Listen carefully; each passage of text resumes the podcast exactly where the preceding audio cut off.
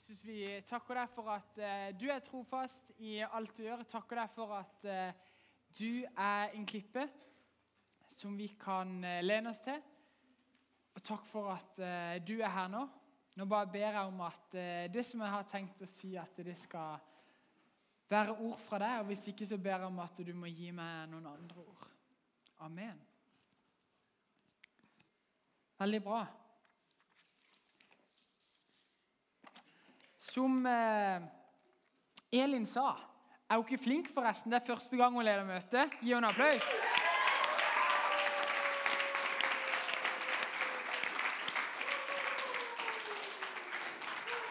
Veldig bra.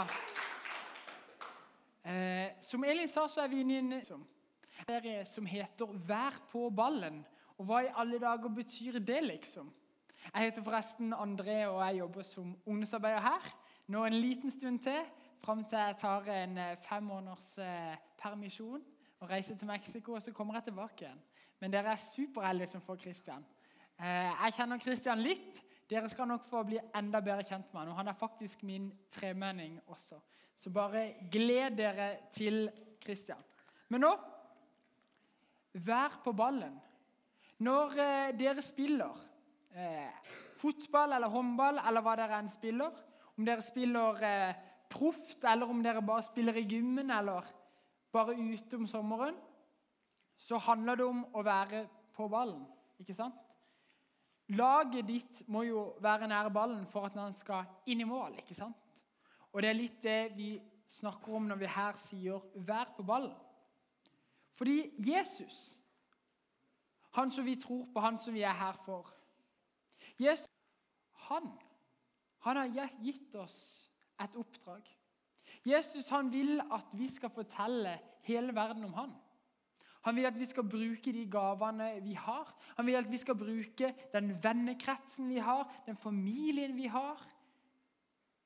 Der hvor vi er, der hvor vi bor, og fortelle dem om hvem han er. Og så kan du fort tenke at å ja, men misjon å fortelle om Jesus, det er for noen andre. Det er ikke for meg. Det er for noen andre, det er for noen som proffe folk. Det er for de proffe kristne. Men så skal vi snakke om i dag at misjon, det å fortelle om Jesus, det er for alle. Det er det faktisk. Og Derfor så er temaet i dag Den der trykkeren den har jeg glemt nede. Hvor er den nå, da? Sånn. Derfor så er temaet i dag, og som er to uker Men i av taleserien Del to kommer om to uker. Men i dag så er det 'Bli med ut på banen'. Fordi at jeg har lyst til å utfordre alle dere som sitter her. Og du som kanskje er litt passiv. Du som kanskje ikke har kommet ut ennå og begynt å fortelle om Jesus. Du som kanskje føler at eh, 'jeg kan ikke gjøre noe i kirka'. Det er bare for de andre. Jeg har lyst til å kalle deg ut til å være med. da. Og det som allerede er med i mye, og det som allerede føler at du prater om Jesus og forteller andre om han Jeg skal utfordre deg til å gå enda lenger ut i det. Men jeg må si jeg husker jo åssen eh, det var for meg, egentlig. Når jeg var kanskje på deres alder, kanskje litt yngre. For det første så tenkte jeg misjon det er sånne eh, basargreier. Og så er det sånne gamle tanter som sitter og strikker grytekluter. Og så selger de de, så får de penger, og så sender de de til de fattige barna i Afrika. Eller misjon. Det er noen sånne der eh, folk som reiser ned og bor i Afrika og forteller om Jesus. That's it. Det var det jeg tenkte om misjon. Samtidig så husker jeg jo at jeg tenkte eh, at jeg kan ikke gjøre noe med det der greiene. Jeg husker jeg tenkte at jeg var ganske lav på den tida. Det skulle jeg ikke tro. Men jeg følte meg liksom litt sånn liten, og jeg følte meg som at jeg har vel egentlig ikke noe å bidra med. Hva kan vel Gud bruke meg til? Nei, de andre får ta seg av de greiene der. Og så gikk jeg liksom en prosess, og så skjønte jeg etter hvert at Men vent nå. Gud kan jo bruke meg. Men han har sikkert eh, lyst til å sende meg til et sted som ikke jeg vil. Han har sikkert lyst til å sende meg til Afrika eller et, et sted hvor han må snakke engelsk. Jeg var ikke noe god i engelsk. Jeg er ikke så god i engelsk fortsatt. Bare til Gud. Men jeg, jeg var liksom livredd for at eh, når jeg spurte Gud, når jeg ba til Gud Gud, hvor vil du at jeg skal være? Så skulle han minne meg om at jeg måtte dra til Afrika eller dra et, til et annet land. Og så tenkte jeg at de som var i andre land og snakka om Jesus, og var misjonærer At det var liksom eliten. De var mye bedre enn de som var prester eller pastorer i Norge, eller var med jobba i en kirke. Eller. Så tenkte jeg det. Men så husker jeg For en del år siden så var faktisk jeg på en misjonstur med en gjeng her fra kirka til Etiopia. Det ligger i Afrika. Og da var det akkurat som Gud minnet meg om noen ting. Det var ikke sånn at eh, jeg hørte liksom en hørbar stemme, eller at jeg fikk sånn skrift nede i sanden, eller et eller annet. Men Gud minte meg om noen tanker. Og han minte meg på det at eh, det er sånn at det er bedre å være en misjonær, en som forteller om Jesus i utlandet, enn i Norge. Men Gud han vil ha oss på forskjellige steder. Og På den turen så opplevde jeg òg at eh, Gud minner meg om at jeg skal være i Norge. Og Det er litt av grunnen til at jeg for to og et halvt år siden turte å ta denne jobben her som ungdomsarbeider. Fordi at jeg tror Gud kan bruke meg her, i Norge, i Sogndalen. Og det, da? Tenker du at Gud kan bruke det? Tenker du at du kan være misjonær? Tenker du at du kan være en som forteller andre? Eller tenker du når du hører misjon på disse gamle tantene som strikker grytekluter? For misjon har egentlig blitt litt sånn der eh, tregt. Litt sånn der eh, gammeldags. Litt sånn der...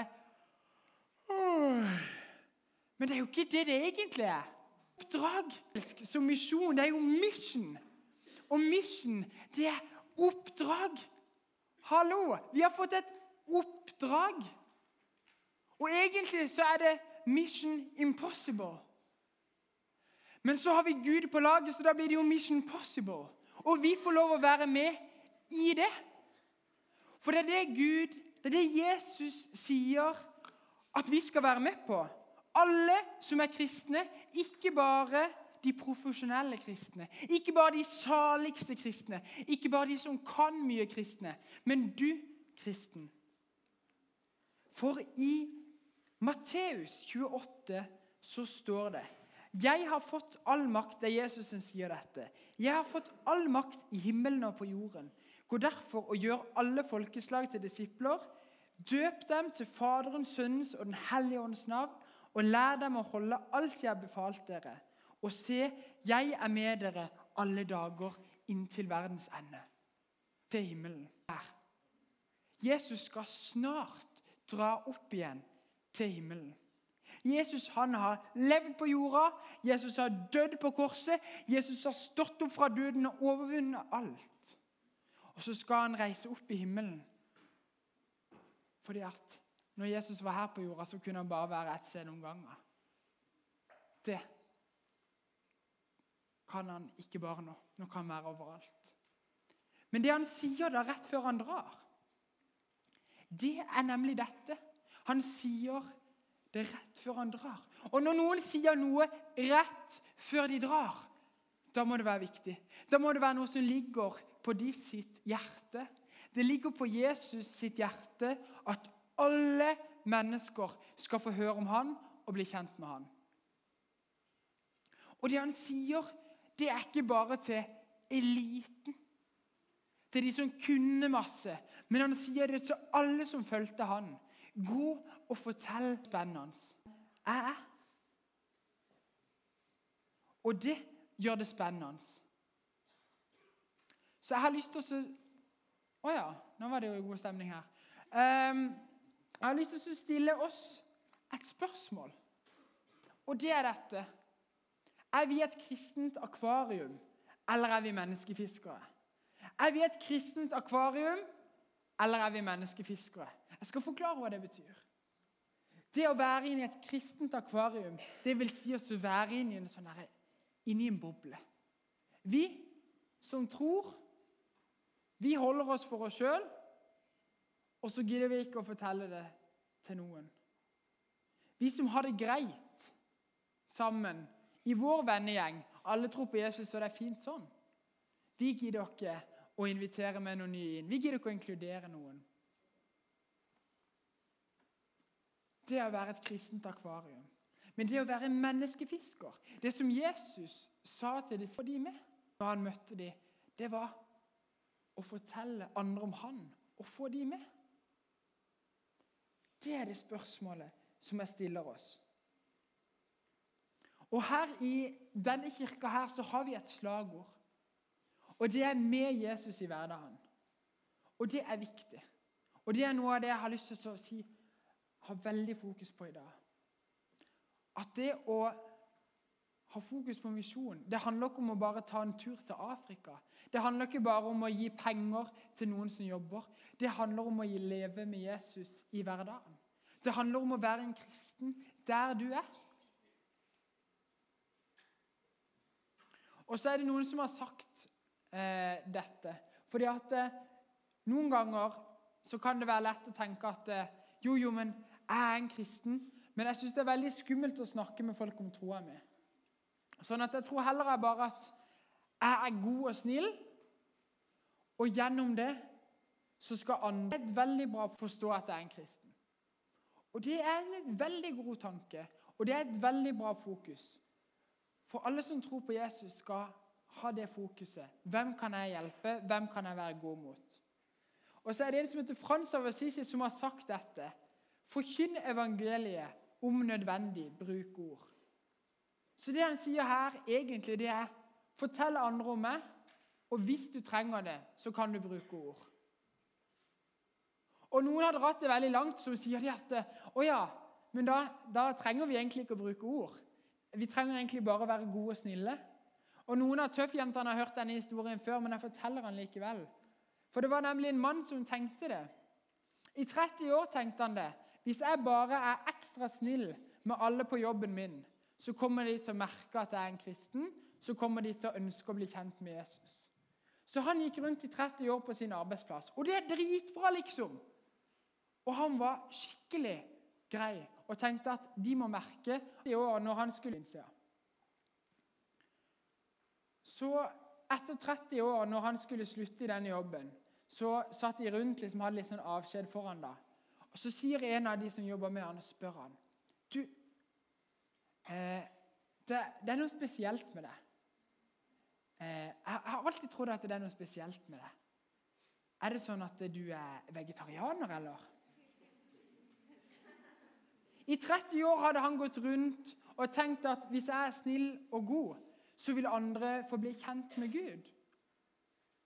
Og så trodde kollegaene at han var vegetarianer. Og Jeg sier ingenting vondt mot vegetarianere, men poenget er jo at det er så mange i Norge i dag som ikke vet noe om Jesus, som ikke kjenner Jesus. Det er mange her som ikke kjenner Jesus enda. Og det er vårt oppdrag å fortelle. Så hvis du er her og tror, så har du en oppgave mot dem. Eller de som ikke tror, så har du en oppgave med å se dem. Så har du en oppgave med å være god mot dem, men også være tydelig med at du tror. Når Idun står her og deler, så er hun tydelig med at hun tror. Så forteller hun om noe som er viktig for henne i troa som styrker henne.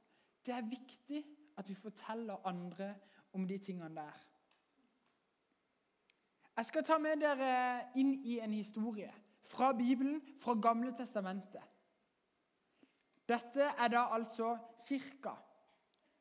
500 år før Jesus ble født. Og Da levde det en som het Nehemja.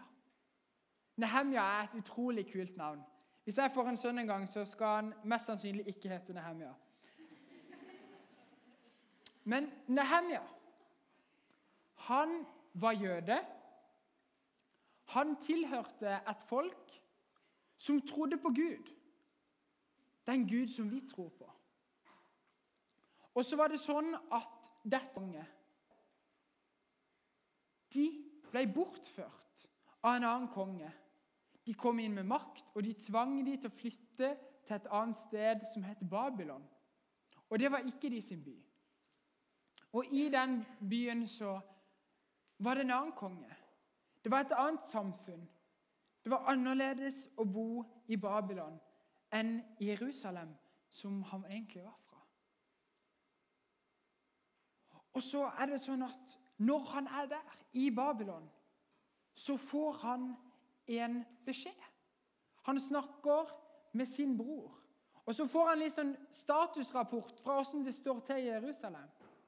For det var fortsatt noen jøder som var i Jerusalem, selv om de fleste hadde blitt tvunget til å flytte. Og så sier denne her broren at det, står ikke bra til i Jerusalem nå. Det han sier, det er dette At det er stor ulykke. Folket lever ikke som de Og så er det sånn at muren som var rundt byen, den er brutt ned, det er ødelagt, og portene rundt er ødelagt. Det er skikkelig dårlig stemning i Jerusalem akkurat nå. Det er ingen som tror på Gud. Det er ingen som tilber Gud. En skikkelig dårlig statusrapport fikk Nehemia. Og Når Nehemja hører dette, så kunne han gjort sånn som vi gjør ofte når vi hører nyhetene. Å ja, det var leit. Og så spiser vi litt mer ris, og så går vi videre på den serien vi egentlig skulle se. Og det var leit. Det var dumt. For det er så lett å bli passiv. Det er så lett å ikke bry seg. For det er jo så mye der ute. Det er så mye fælt som skjer, så jeg orker ikke å ta det innover meg. Eller det er jo så mange som ikke tror, sånn at jeg orker ikke å fortelle noen. Men det var ikke da jeg Hemja reagerte. Det står her at da jeg hørte dette, satte jeg meg ned og gråt. Jeg sørget i flere dager. Jeg fastet og ba til himmelens Gud. Når Nehemja hører at det er dårlig stemning i byen sin, når folkene sitt ikke ber til Gud, når de er langt borte fra Gud, når de har det vondt, så sa han ikke 'jeg bryr meg ikke', men han satte seg ned og gråt, og han ba til Gud for disse. Det er veldig lett å ikke bry seg. Det er veldig lett å skyve bort ting. Men det at Nehemja bryr seg, gjør at han bøyer sine knær, og han ber så vanvittig for folket sitt. Det står en lang bønn som ikke jeg skal lese nå, men som Nehemja ber. Han ber om at folket må komme tilbake til Gud. Han ber Gud om tilgivelse for alt det gale folk har gjort. Og så må reise dette folket. Ber han om at byen skal bli bygd opp igjen. Og hva er det som skjer? Jo, Nehemia han drar til Jerusalem. Nehemia han drar der hvor det var dårlig stemning akkurat nå å være. Og han forteller folket at dere må komme tilbake og tro på Gud. Og det som skjer, det er en prosess hvor folket igjen skjønner at å ja, men hallo. Det er jo Gud vi må tilbe. Det er Gud vi må bygge livene våre på. Det er han som er det viktigste. Og så begynner de å bygge opp byen igjen. Og det blir et mye bedre sted å være.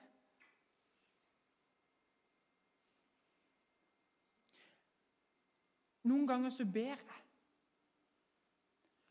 at det skal skje med meg sånn som skjedde med Nehemia. Nehemia han ble helt knust, og han begynte virkelig å ta inn over seg den sorgen over at det var så mange som orket fra Gud. Noen ganger når jeg er opptatt med veldig mye, så orker jeg ikke å bry meg om at det er så mange som ikke kjenner Gud. Så har jeg ikke den brannen for at flere skal bli kjent med Gud. Jeg har det, og det er jobben min at flere skal bli kjent med Gud. Hæ? Går det an? Ja, det gjør faktisk det. Men så ber jeg til Gud om at han må gjøre noe med hjertet mitt.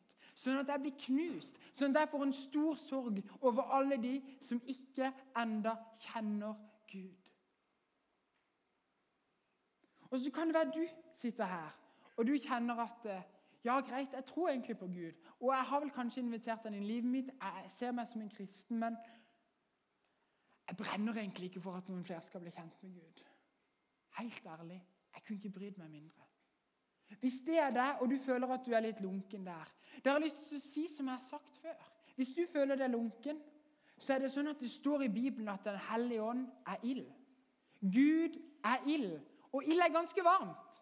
Han skal gjøre noe med hjertet. Føler at du er litt sånn lunken, så kan du be til Gud om at han skal gjøre noe med hjertet ditt, med hvordan du tenker.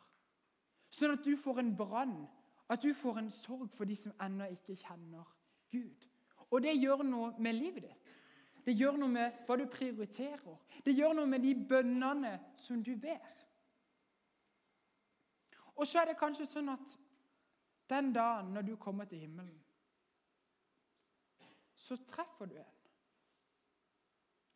Og så sier denne personen at 'jeg kom til tro, og jeg er her' fordi at du fortalte hvem Jesus var. For dere, det er nemlig sånn at vi Vi kan gjøre det som Jesus vil at vi skal. For Jesus lengter etter den enkelte. Ser dere den sauen der? I Bibelen så står det at Jesus han leter etter en sønn er viktig. Én, selv om han har 99 stykker. Fordi at den ene er viktig. Du er viktig. Og Jesus lengter etter å gjøre sånn som han gjør på det bildet der, og ta imot denne jenta. Jesus lengter etter å ta imot hver enkelt som ikke kjenner han enda. Der har du en viktig rolle. Og Derfor så kan vi være noe som heter en bro til tro. Det betyr at hvis du er her og tror, så kan du være en bro over for noen som ikke tror, til Jesus. Og hvordan kan du være det? Jo, vi ser på det ikke bare som at å invitere Jesus inn i sitt liv, og det er hele greia. Men for mange så er det en prosess hvor de nærmer seg litt og litt og litt Jesus. For først er de veldig negative. 'Jeg vil ikke ha noe med han der og der å gjøre. Jeg tror ikke på han engang.' Og da er de kanskje på denne skalaen på minus ti. Sånn, men så begynner det et eller annet. Blir litt nysgjerrig likevel. Jeg tror ikke på han, men blir litt nysgjerrig. Og Så får de høre noe annet. Så blir de kanskje invitert med på Connect. Og Så får de høre tale, de får være med i lovsang. De får erfare at Oi, hva skjer her? Det var jo et eller annet som var litt sånn spesielt i det rommet her. Hva skjer? Og så går de kanskje på minus tre. Og så får de høre at Jesus døde for dem. Og så går de kanskje enda nærmere. Og fra null til én, det er der vi tenker at da inviterer de Jesus inn i sitt liv. Da blir du en kristen. Men så kan det være en prosess, som dere ser her. Å bli bedre og bedre kjent med hvem Jesus er, før en tør å ta det valget. Og der har du som er her og er en kristen, en kjempeviktig oppgave. For du kan være en bro over fra minus 10 til minus 6 til minus 3 til null og til én. Fordi Gud har lyst til å bruke det. Og hvordan kan du være en bro over til tro for noen som ikke tror? Gjerne så kan du det. Bro står nemlig for noe. Det er ikke bare en bro fordi den er kul. Det er en bro fordi den står for bønn, relasjoner og ord. Så du kan be for de som ikke kjenner Jesus. Du kan be for dem. Det kan alle gjøre. I tillegg så kan du bruke tid med dem. Du kan være sammen med dem Vise dem at de er viktige. Og til sist så kan du fortelle dem Fortelle dem om din tro. Fortelle dem om Jesus. Fortelle dem hva han betyr for deg. Og Hvis du er her og ikke er kristen, så kan du la noen andre være en bro til tro for deg. Du kan be en som er kristen, om Kan ikke du be for meg? Du kan bruke tid med de som tror for å lære de å kjenne. Og så kan du spørre dem hvorfor i alle dager er du kristen. Her. Jeg tror at det er noen som er her, som Gud gir et spesielt hjerte for noen mennesker. Jeg tror at mange av dere skal på forskjellige steder være noen som betyr noe for andre, som fører dem til tro. Jeg tror det. Jeg tror at Gud gir dere noen tanker, noen drømmer og noen planer om hvor dere skal være. Jeg tror faktisk at noen av dere skal dra til Oslo og være i Oslo og være med og bygge opp ungdomsarbeidet her. I dag er det sånn at i Oslo så er det kjempefå kristne. Kirkene tømmes, liksom. Ungdomsarbeiderne er kjempesmå. Her er vi liksom godt over 100 hver gang. Der er de kanskje mange som Kanskje de er to. Det er så mange som ikke kjenner Jesus. Og jeg tror at du skal være med og gjøre noe med det. Jeg tror at du skal være med og påvirke noen. Og jeg tror at Jesus legger det på ditt hjerte. At kanskje når du blir student, så skal du flytte et sted, og så skal du være med og bygge opp noe som ikke var der før. Jeg tror Gud legger noen av dere det på hjertet. Og så tror jeg faktisk at noen av dere skal reise til Nord-Norge. For der er det også veldig få kristne. Og jeg har tenkt at om ikke så altfor lenge så må vi reise opp noen helger i året med folk herifra til noen menigheter i Nord-Norge som sliter. Hvor de ikke har ungdomsarbeid. Hvor vi kan være med og bety noe for noen ungdommer der og fortelle dem om Jesus. Fordi vi har fått noe som vi skal dele. Og jeg tror Gud legger noen av dere det på hjertet. Vet du, han er det med gårde.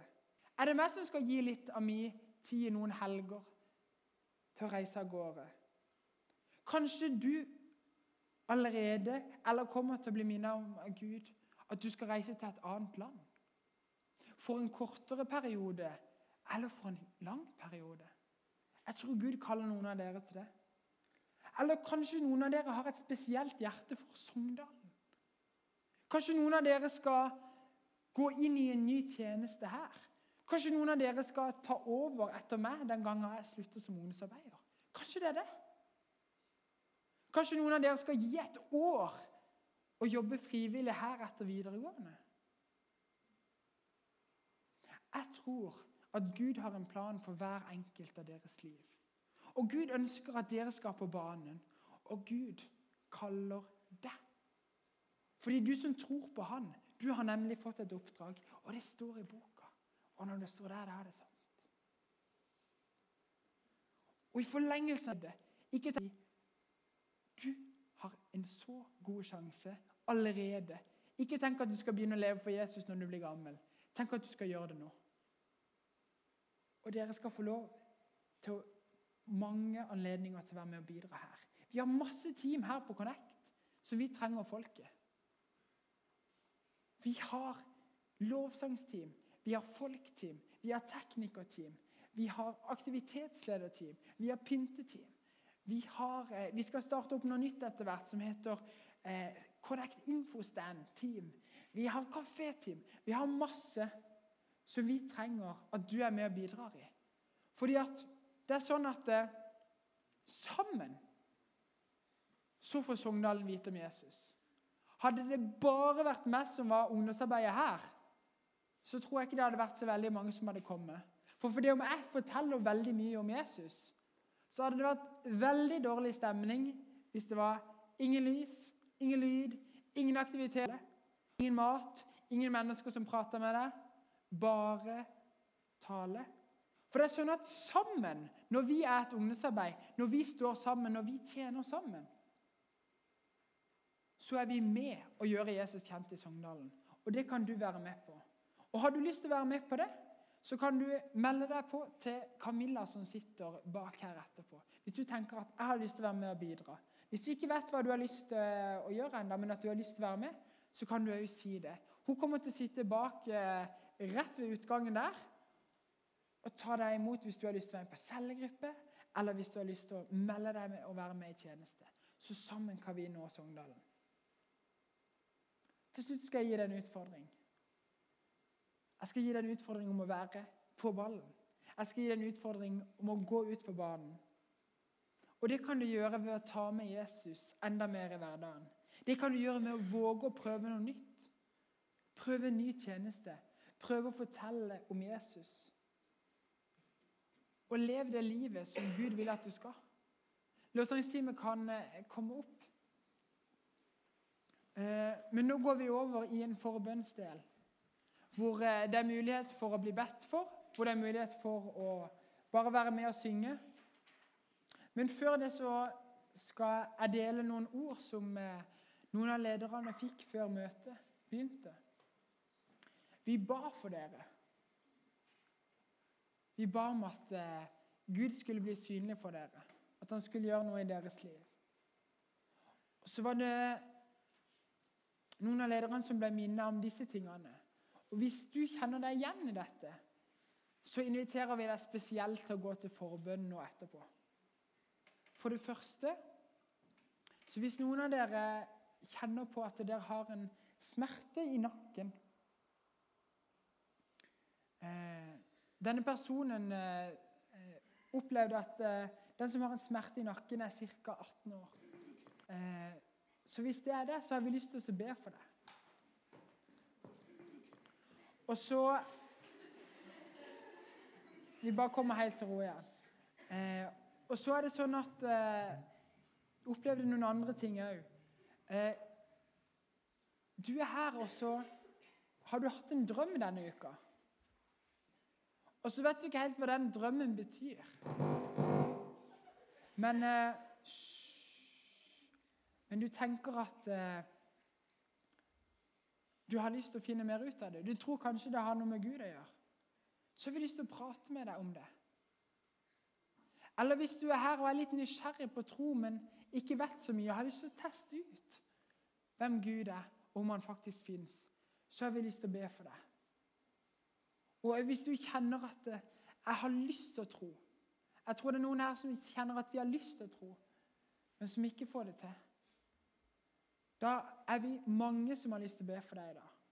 Kommer bak, og så er det seks stykker som kommer til å stå bak. Og du kan nå, mens vi begynner å synge, bare komme bak, og så har vi lyst til å be for deg. Enten om du kommer alene, eller om du kommer med en venn. Hvis du kjente deg igjen i noen av disse tingene, så oppfordrer vi deg ekstra til å komme bak. Men nå skal vi reise oss opp, og så skal vi be sammen. Herre Far, jeg takker deg for at uh, misjon er for alle. Jeg takker deg Jeg takker deg for at uh, du kan bruke den enkelte. Jeg takker deg for at uh, vi sammen her kan nå Sogndalen og fortelle om Jesus. Takk for at du er nær. Vi ber og inviterer deg til resten av dette møtet. Og vi er åpne for deg. Amen.